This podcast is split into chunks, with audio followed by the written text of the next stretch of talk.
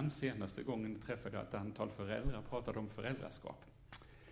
För ett antal år sedan fyllde jag 65. Då tänkte jag, nu har jag gjort mitt, nu har jag passerat bäst före datum. Är det några mer som har fyllt 65? Tyckte ni också att ni hade passerat bäst före datum, eller? Alltså, det tyckte ni inte? Ni bryr er inte om bäst före datum överhuvudtaget, kanske? Jag lyssnade på professor i livsmedelshygien, så hon sa att man behöver inte bry sig om bäst före datum så länge det inte luktar. Jag tänker, då kör jag ett tag till. Jag hade i och för sig kommit in i GTS-åldern som många pensionärer gör. Känner ni till den diagnosen GTS? Jag glömmer, tappar och spiller. Är det några mer som har kommit dit? Men sen upptäckte jag, jag har ju aldrig varit så klok och haft så mycket livserfarenhet som jag har nu, så därför tänkte jag, då kör jag ett tag till. Det gäller bara att komma ihåg livserfarenheten. Jag har under många år skrivit och föreläst och jobbat med relationer, men för några år sedan så blev jag, ett par år sedan blev jag intresserad av det här med hur upptäcker egentligen våra gåvor, våra olika gåvor? Både de naturliga gåvorna som vi alla har och de andliga gåvorna som vi också får. Och jag har varit med i Equmeniakyrkan i 15 år och jag har inte en enda gång hört någon undervisning om de andliga nådegåvorna. Så då tänkte jag, jag måste göra det, så jag skrev en debattartikel i sändaren om det. Det var en regional kyrkoledare som sa att du borde skriva en bok om det, så då gjorde jag det. Ja, då ska vi se om vi kan få fram första bilden. Jag har också lite bilder. Om jag ska bli den jag ska vara, bör jag veta vem jag är. Ja, det måste man nog hålla med om. Jag hoppas att den här predikan ska inspirera dig till tre saker. Dels att du ska upptäcka eller bli mer medveten om de gåvor och talanger som du har. Att du ska få mod och inspiration att använda dem ändå mer. Jag tror att en del av er som sitter här, ni har grävt ner era gåvor. Så var det också på Jesu tid och därför berättade Jesus en liknelse om, ni vet de här som fick olika talent och de grävde ner sina gåvor. Vi säger ofta i kyrkan att Gud har en speciell uppgift för oss alla. Men vi får sällan reda på hur vi upptäcker våra gåvor så att vi kan förverkliga den här planen. Eh, när man ska läsa om gåvoupptäckande i Bibeln så är det framförallt på tre ställen. Det är Romarbrevet 12, Korintierbrevet 12 och Efesierbrevet 4 där det står om de andliga nådegåvorna. Och när jag läste om det så upptäckte jag att det finns ju 15-20 andliga nådegåvor förutom alla naturliga gåvor som de andliga nådegåvorna ofta bygger vidare på och uppgraderar. Paulus han skriver några saker där i första Korintierbrevet 12. Nådegåvorna är olika, men anden är densamma. Tjänsterna är olika, men Herren är densamma. Verksamheten är olika, men Gud är densamme. Han verkar i allt och överallt. Hos var och en framträder anden så att den blir till nytta. Och i det här, lite senare i det kapitlet, så använder Paulus liknelsen om kroppen och lemmarna. Och där lyfter han fram fyra viktiga saker som vi behöver tänka på. Vi tar och tittar på nästa bild. Det är ingen slump att du är du. Att du har de gener, den personlighet och de anlag du har. Paulus skriver där, nu har Gud gett varje enskild del den plats i kroppen som han ville. Det andra som han lyfter fram är att alla olika gåvor behövs. Han skriver så här, om hela kroppen var öga, vad blev det då av hörseln? Det tredje som Paulus lyfter fram, du behövs för att du inte är som alla andra. Om foten säger jag inte herren, så hör den ändå till kroppen. Ibland har jag känt i vissa sammanhang, i vissa kristna sammanhang, jag kanske inte platsar här, jag, jag kan inte ha hemma här, för jag är inte som de andra. Jag upplever inte Gud som de andra, jag tänker inte som de andra, men då tror jag Gud har sagt till mig att jag ska vara kvar därför jag är inte som alla andra. Vore jag som alla andra så behövdes jag ju inte. Och sitter du här och känner att platsar jag här, jag är ju inte som de andra, så, så ska du nog vara kvar i de flesta fall, för då kanske du behövs för att du inte är som alla andra. Det fjärde Paulus lyfter fram där, du behöver också de andra. Ögat kan inte säga till handen, jag behöver dig inte. Du behöver dina vänner som peppar dig, men jag tror också du behöver de där knepiga människorna. Det kanske inte finns några sådana i den här församlingen. kanske bara finns i vår församling, hemma i Nässjö. Du behöver också dem, för att få en vettig människosyn. För att förstå att vi alla får vara med i Guds familj fastän vi har våra sidor. Det enda som skiljer oss är att vi har dem på olika ställen. Ja, så frågan är hur man upptäcker sina gåvor. Ska vi ta och titta på nästa bild? Det första sättet att upptäcka sina gåvor är att man utgår från vad man är bra på. Vi som är pensionärer, när vi gick i skolan så fanns det egentligen bara två begåvningar. Antingen var man praktisk eller så var man läshuvud. Och jag är lite nyfiken på om det sitter mest praktiska personer eller mest läshuvud, så nu får du bestämma dig för, är jag mest praktisk eller mest läshuvud? Sen ska vi alldeles strax ha handuppräckning, får vi se vilka som har mest. Så nu måste du bestämma dig, även om det är svårt. Hur många av er är mer praktiska än läshuvud? Upp med handen. Det var så många. Hur många mer läshuvuden? Det var nästan ändå fler, Sen en del som inte någonting. Eller så är ni båda delarna. Nu vet vi att det finns inte bara ett par begåvningar, det finns ett tiotal olika begåvningar. Man kan vara språkligt begåvad, matematiskt logiskt begåvad, estetiskt begåvad och allt det där också. Andra sättet att upptäcka sina gåvor är att utgå från vad tycker man är roligt. Tänk efter, om man frågar en människa med dålig självkänsla, vad är du bra på? Får man reda på det? Vad får man reda på? Det de är dåliga på. Så sitter du här och har en dålig självkänsla så ska du istället tänka på, vad tycker jag har varit roligt i mitt jobb? Vad tycker jag är roligt att göra nu? Vad tycker jag är roligt att göra här i den här församlingen? Min fru som sitter där borta, det är frun i mitt första, mitt första äktenskap som jag varit ihop med 55 år. Det tycker jag är en prestation av henne, tycker ni inte det? Ja. Som pastorsbarn var hon tvungen att gå på mö fem möten i veckan. Jag säger, det är ett under att hon är bevarad, eller vad säger ni? Ja. De värsta möten hon var tvungen att gå på som pastorsbarn, det var missionsmöte. För tänk om Gud kallar henne till missionär. Det var det absolut sista hon kunde tänka sig. Hon har fått för sig att när Gud kallar en människa, kallar hon henne till det han absolut inte vill. Så dum är ju inte Gud, för då säger man nej eller så tröttar man efter ett tag. Han kallar dig och mig till någonting som vi känner inspiration och glädje i, även om det kan vara lite tufft ibland. Tredje sättet att upptäcka sina gåvor, det är vad brinner du för? Vad är det som intresserar dig? Vad är det som engagerar dig? Vad är det som tänk, får dig att tänka, det här borde någon göra någonting åt? Där vi bor, i vår familj, i vår släkt eller i den här församlingen, det här borde någon göra någonting åt. Ni minns kanske hur det var när Gud kallade Mose. Han såg en brinnande buske, och han hörde Gud tala till honom. Det är nog ganska få idag som upplever att Gud, att Gud talar till dem med att man hör röster och ser något som brinner, sin syn. Men det är något som brinner inom oss. Att jag för 30-40 år sedan började undervisa om hur man håller kärleken levande berodde på att jag tyckte vi var så dåliga, både i våra församlingar och våra kyrkor, att undervisa om hur man håller kärleken levande. Så jag tänkte, om ingen annan gör det, får jag väl göra det. Fast jag inte hade en aning om man skulle göra och gjorde bort mig rätt mycket i början också. Fjärde sättet att upptäcka sina gåvor är att uppmuntra från andra. Det kan ju vara så att andra människor ser en gåva, en talang du har som du inte är medveten om själv. Att jag nu har skrivit tio böcker och är på gång med den elfte eller tolfte, det beror på ett samtal för 30 år sedan som tog fem minuter. Jag hade gjort någonting jag aldrig hade gjort innan. Jag skickade in en kort insändare till en tidning som pingströrelsen hade som hette Evangelie Herold. Finns det några gamla pingsten här? Det finns det kanske inte. Det finns några gamla pingsten, ja. De tog in den, jag blev jätteglad. En vecka senare ringde en journalist från Stockholm och sa det var ju bra, vi skulle vilja att du kom upp och skrev en hel artikelserie om föräldraskap. Det samtalet på fem minuter förändrade hela mitt liv. Utan det hade jag inte skrivit en enda bok. Utan det hade jag nog inte stått här. Så utgå från vad andra människor uppmuntrat dig för. Femte sättet att upptäcka sina gåvor är att utgå från man måste testa och se, man måste våga pröva nya saker. För 20 år sedan så blev jag tillfrågad om jag kunde sitta med i en styrelse i den församling jag var med i. Jag tänkte det kanske är min grej. Jag satt ett år sedan, jag har aldrig suttit i en styrelse, det bara sög. Jag ville bara därifrån. Samtidigt som jag beundrar människor som sitter i styrelse, för det är ju viktiga uppgifter. Jag frågade pastor Ebbe om jag får göra mitt i predikan som jag brukar göra. Jag brukar avbryta ett par små gånger där du under en eller två minuter får chansen att prata med någon som sitter jämte dig om du vill. Du måste inte. Och jag fick lov att göra det, så därför nu gör jag det. Så nu har ni chansen att under en eller två minuter prata med någon som sitter jämte dig. Vad har du varit bra på? Vad tycker du är roligt? Vilken uppmuntran har du fått? Och ni kan prata ganska fritt, för ni behöver inte redovisa för Sandra vad ni sagt. Det stannar mellan er. Så varsågoda, sätt igång.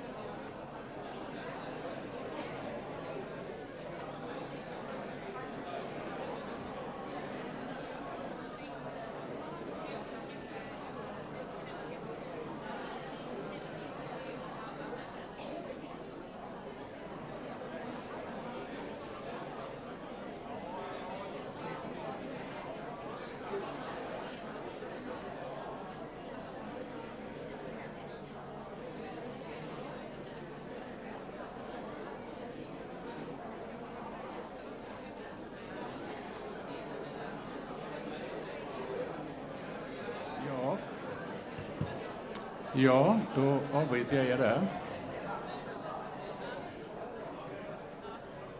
Vad härligt att se ett engagemang. Då ska ni få chansen att någon gång till få samtala med varandra lite kort. Då tar vi nästa bild. Så frågan inte, fråga inte om jag är begåvad, utan frågan är hur är jag begåvad? Alla har vi gåvor och talanger på olika sätt. Och det är inte så att antingen har vi gåvan eller inte, utan i väldigt många fall så har vi mer eller mindre av många olika gåvor. Ska vi ta nästa bild? Jag tänkte vi ska ta och, och utgå från liknelserna kroppen och lemmarna som Paulus använder. Och så tänkte jag att jag ska försöka koppla vissa både naturliga och andliga nådegåvor till olika kroppsdelar.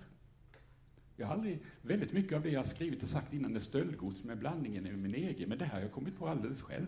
Så ibland kommer kom man på något nytt alldeles själv faktiskt. Ja, en del av er har gåvan att vara öga. En del har gåvan att vara öra.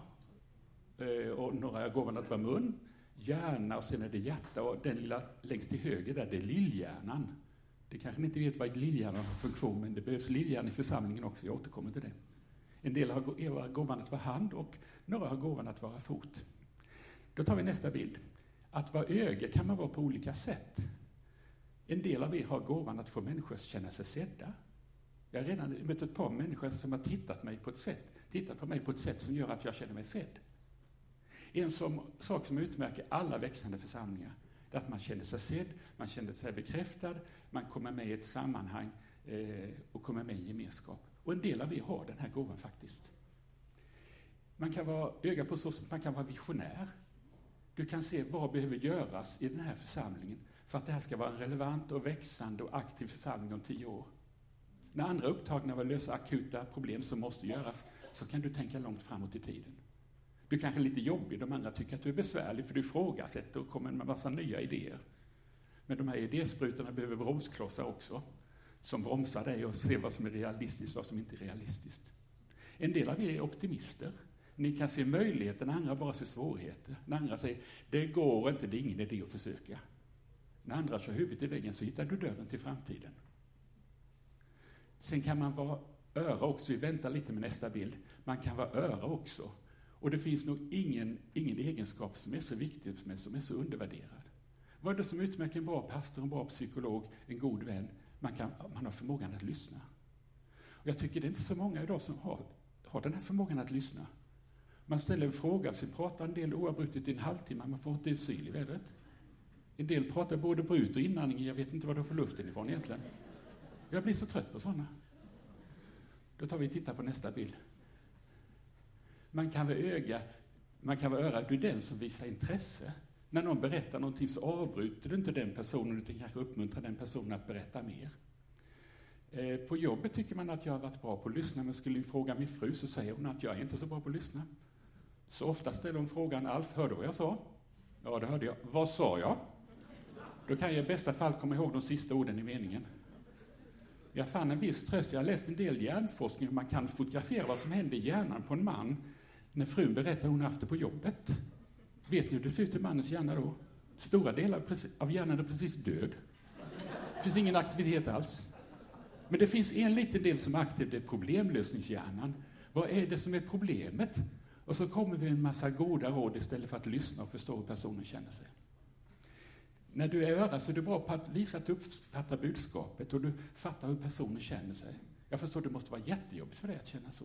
Det är ett sätt att visa att du verkligen har lyssnat och du ger inte en massa goda råd. Sen kan vara mun, man vara mun också. En del av er har gåvan att vara mun. Vi tar den bilden också. Eh, när du är mun så är du bra på att förmedla budskap. Många idag är fascinerade av idrottsidoler. Eh, Zlatan och en massa andra skickliga idrottsidoler. Jag är väldigt intresserad av de som kan förmedla ett budskap. De som går genom rutan, de som kan beröra och påverka människor, det har intresserat mig ganska mycket. Och en del av er, ni har den här förmågan att kunna förmedla ett budskap. Inte bara, in, kanske inte bara när du står i talarstol, utan hemma eller i, i personalrummet, när du möter dina vänner, så kan du förmedla ett viktigt budskap. Du kanske är en bra ledare. Du kan motivera andra, få med andra att följa dig mot viktiga mål. Du kanske vågar delta i samhällsdebatten. Ibland så tycker jag att vi kristna är lite för dåliga att delta i samhällsdebatten, men ett undantag det är ju vår ärkebiskop som just nu har slutat. Hon vågar sticka ut i samhällsdebatten och vi kristna skulle våga vara lite mer lite mer modiga där. Ja, jag stack ut en gång. Jag skrev en debattartikel som har blivit den mest, mest delade på Facebook genom alla tider. 68 000 kommentarer. Men då tog jag viss risk. Det var en journalist här i Jönköping som antydde att jag var psykiskt förvirrad, led av sexuella hämningar, förträngda barndomsminnen. Så att man kan ju få höra lite grann, men jag tänkte hur kan man ställa diagnos utan att träffa patienten när man är journalist? Sen är du bra på samtal av livsfrågor.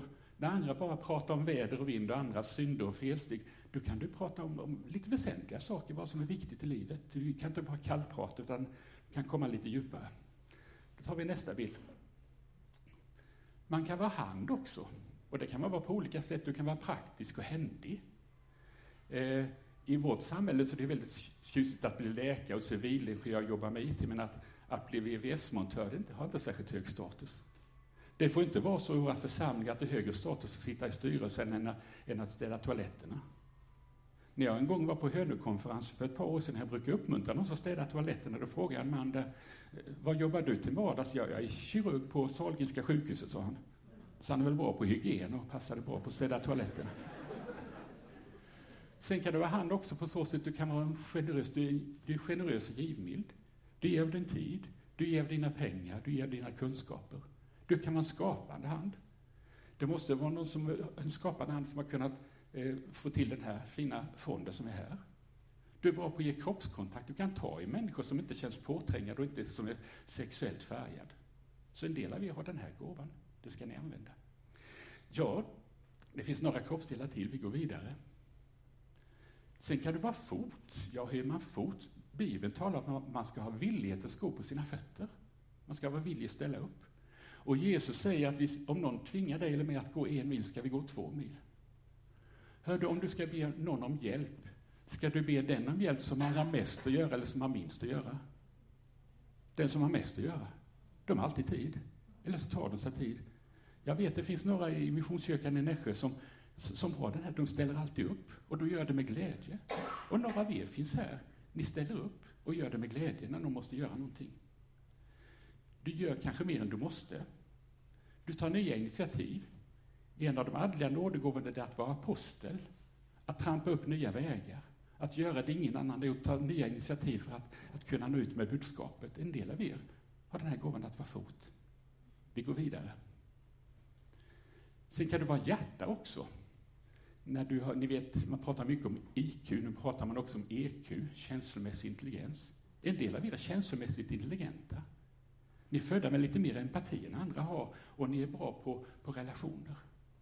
Och jag brukar säga att vi i kyrkan vi är bra på verksamhet, men vi är inte lika bra på relationer. Men en del av er ni är bra på relationer. När det kommer en ny människa, en främmande människa, som sätter sig ensam så ingen pratar med, du går och sätter dig jämte den personen. Det är också en gåva. Ja, vi går, går vidare. Sen kan du vara hjärna också. Du kan mycket, har mycket kunskap. Och Bibeln talar om två andliga nådegåvor, det är kunskapens ord och vishetens ord. Bara för att man har mycket kunskap är det inte säkert att man är mycket vis.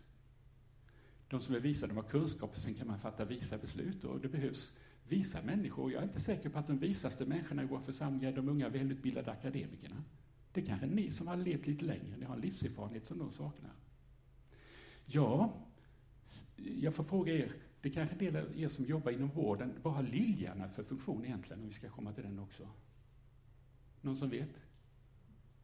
Den har bland annat hand om balansen.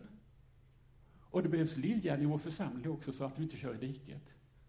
Ni vet inte, församlingar har kört i diket och stora ledare har fallit ganska högt och ju mer upphöjd man är, desto, desto djupare blir fallet. Så vi tar, tittar på nästa bild, den är ju där redan. Du kan och våga ge konstruktiv kritik. Det är faktiskt en av de andliga nådegåvorna, det är gåvan att förmana. Vilka är det som ska förmana? Ni vet, en del är bra på att hitta fel. Inte bara när det står i tidningen en teckning, hitta fem fel, utan de är bra på att hitta fel på allt och alla. Det är inte de som har gåvan att förmana. De som har gåvan att förmana, det är du som kan i kärlek kan ge konstruktiv kritik. Du gör det inte för att trycka ner människor, för att, utan istället för att lyfta upp dem och få dem att blomma. Ska vi ta och titta på nästa bild. Där har vi de här kroppsdelarna igen. Nu får ni samtala om, om du skulle identifiera dig med någon av de här kroppsdelarna, vad har du mest av och vad har du minst av? Och vad har du sådär lite mitt emellan oss, så varsågoda nu får ni ett par minuters samtal. Vilken kroppsdel känner du dig mest bekant med?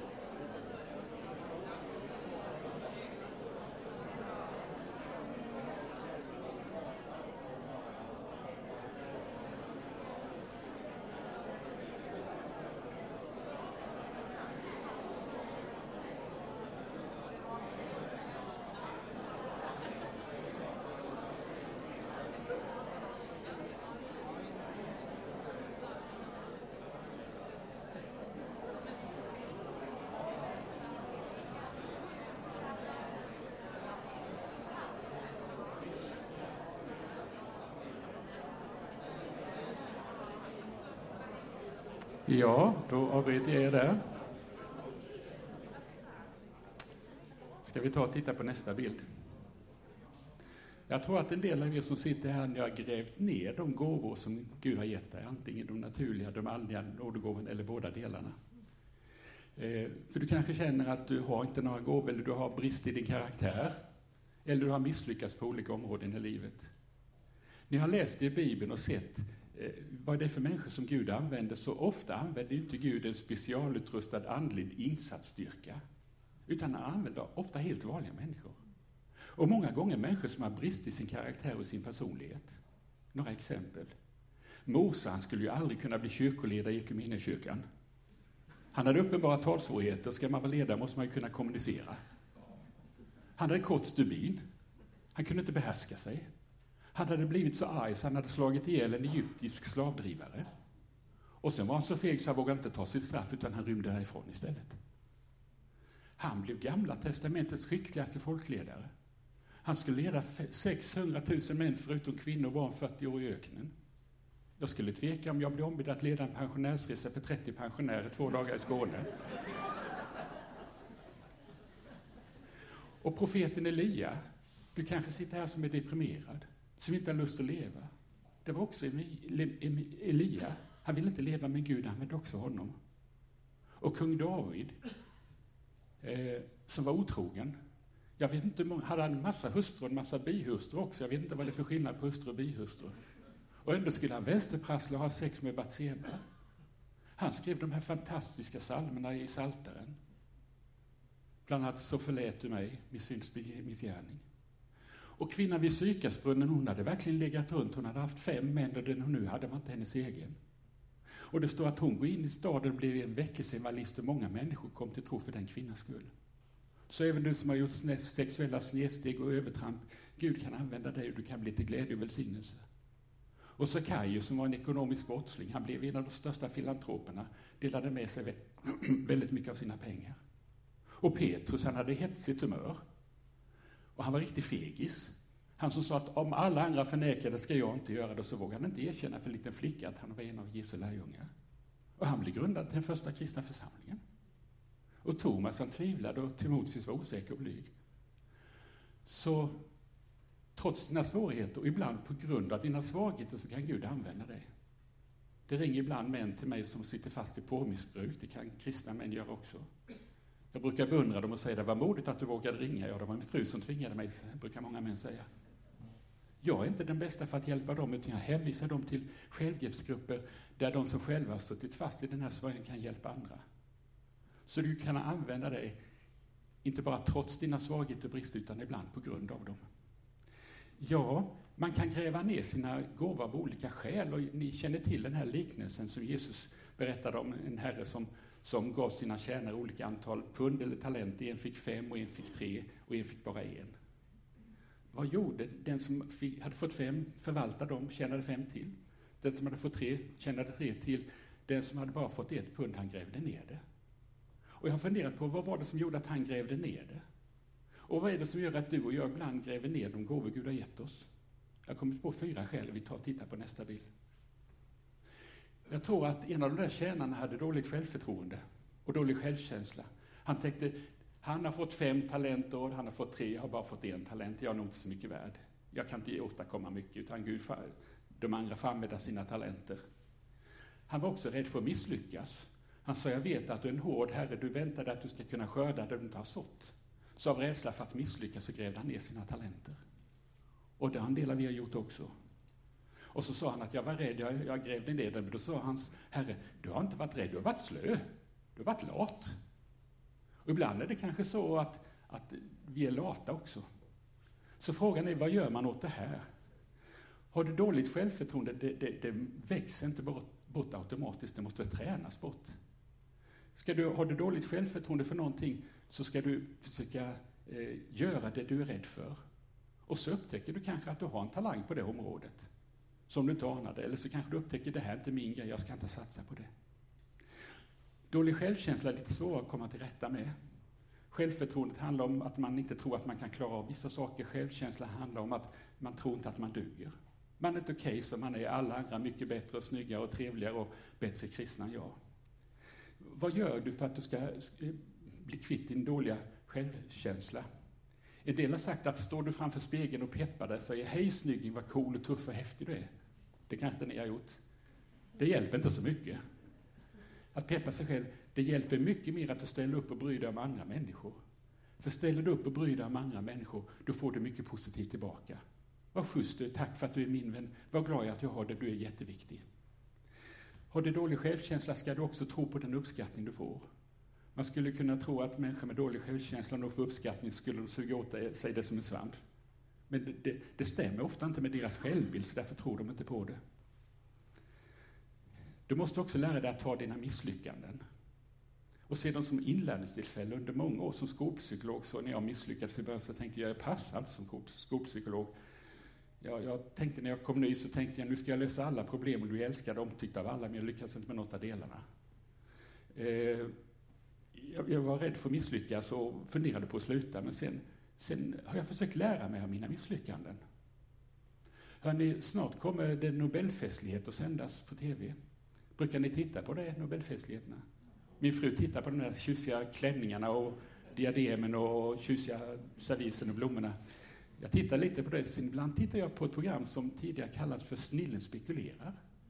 Där man intervjuar de här Nobelpristagarna och hur de haft det i sin karriär.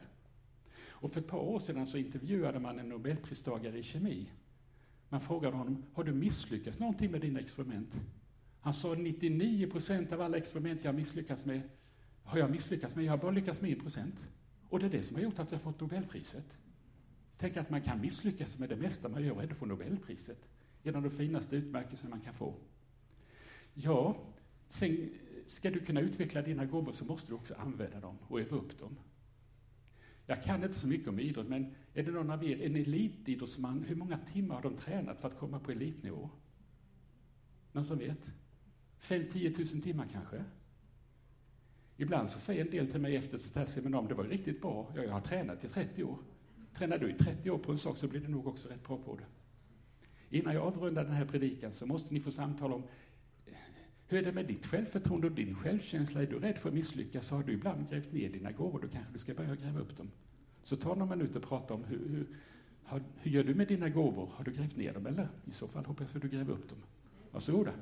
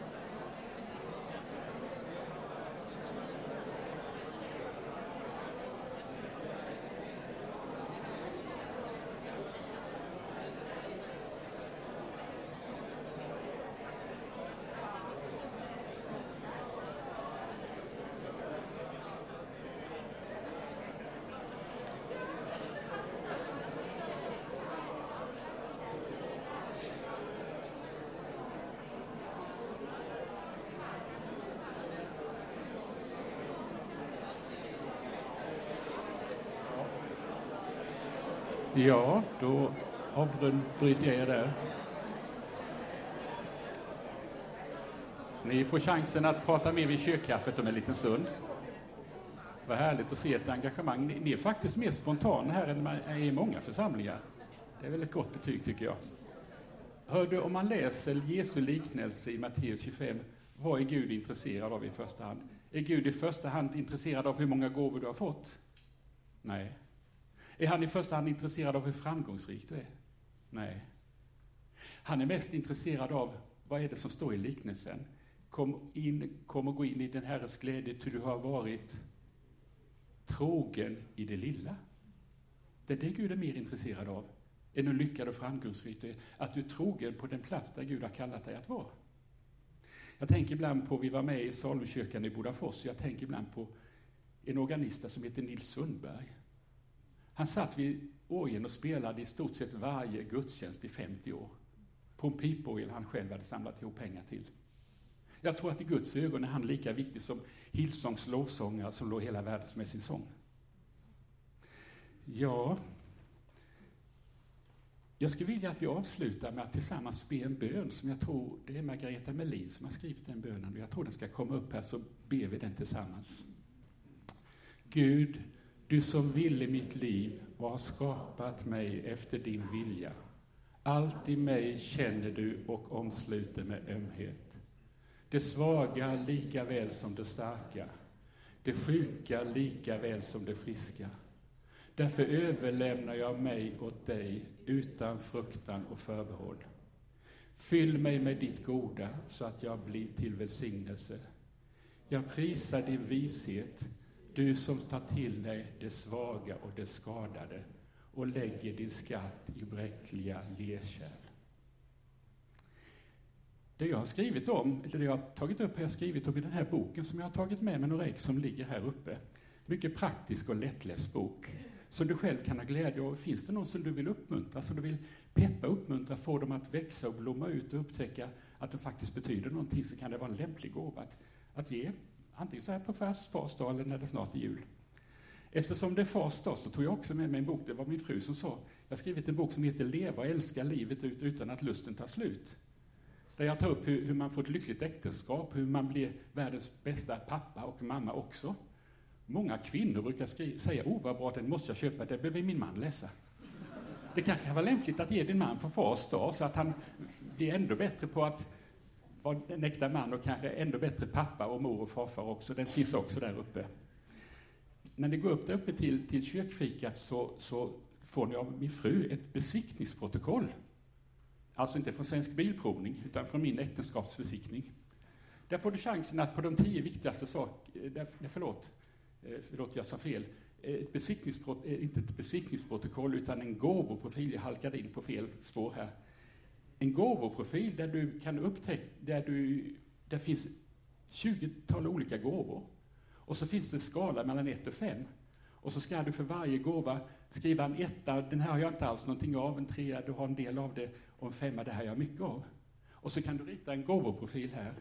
Och ska du få lite självinsikt kanske du ska, när du har gjort det här, visa den här gåvoprofilen för din partner, om du har någon, eller för någon som känner dig väl. Och be honom eller henne att också göra en profil, så kanske du ska se om du överskattar eller om du underskattar dina gåvor. Och med det så säger jag tack.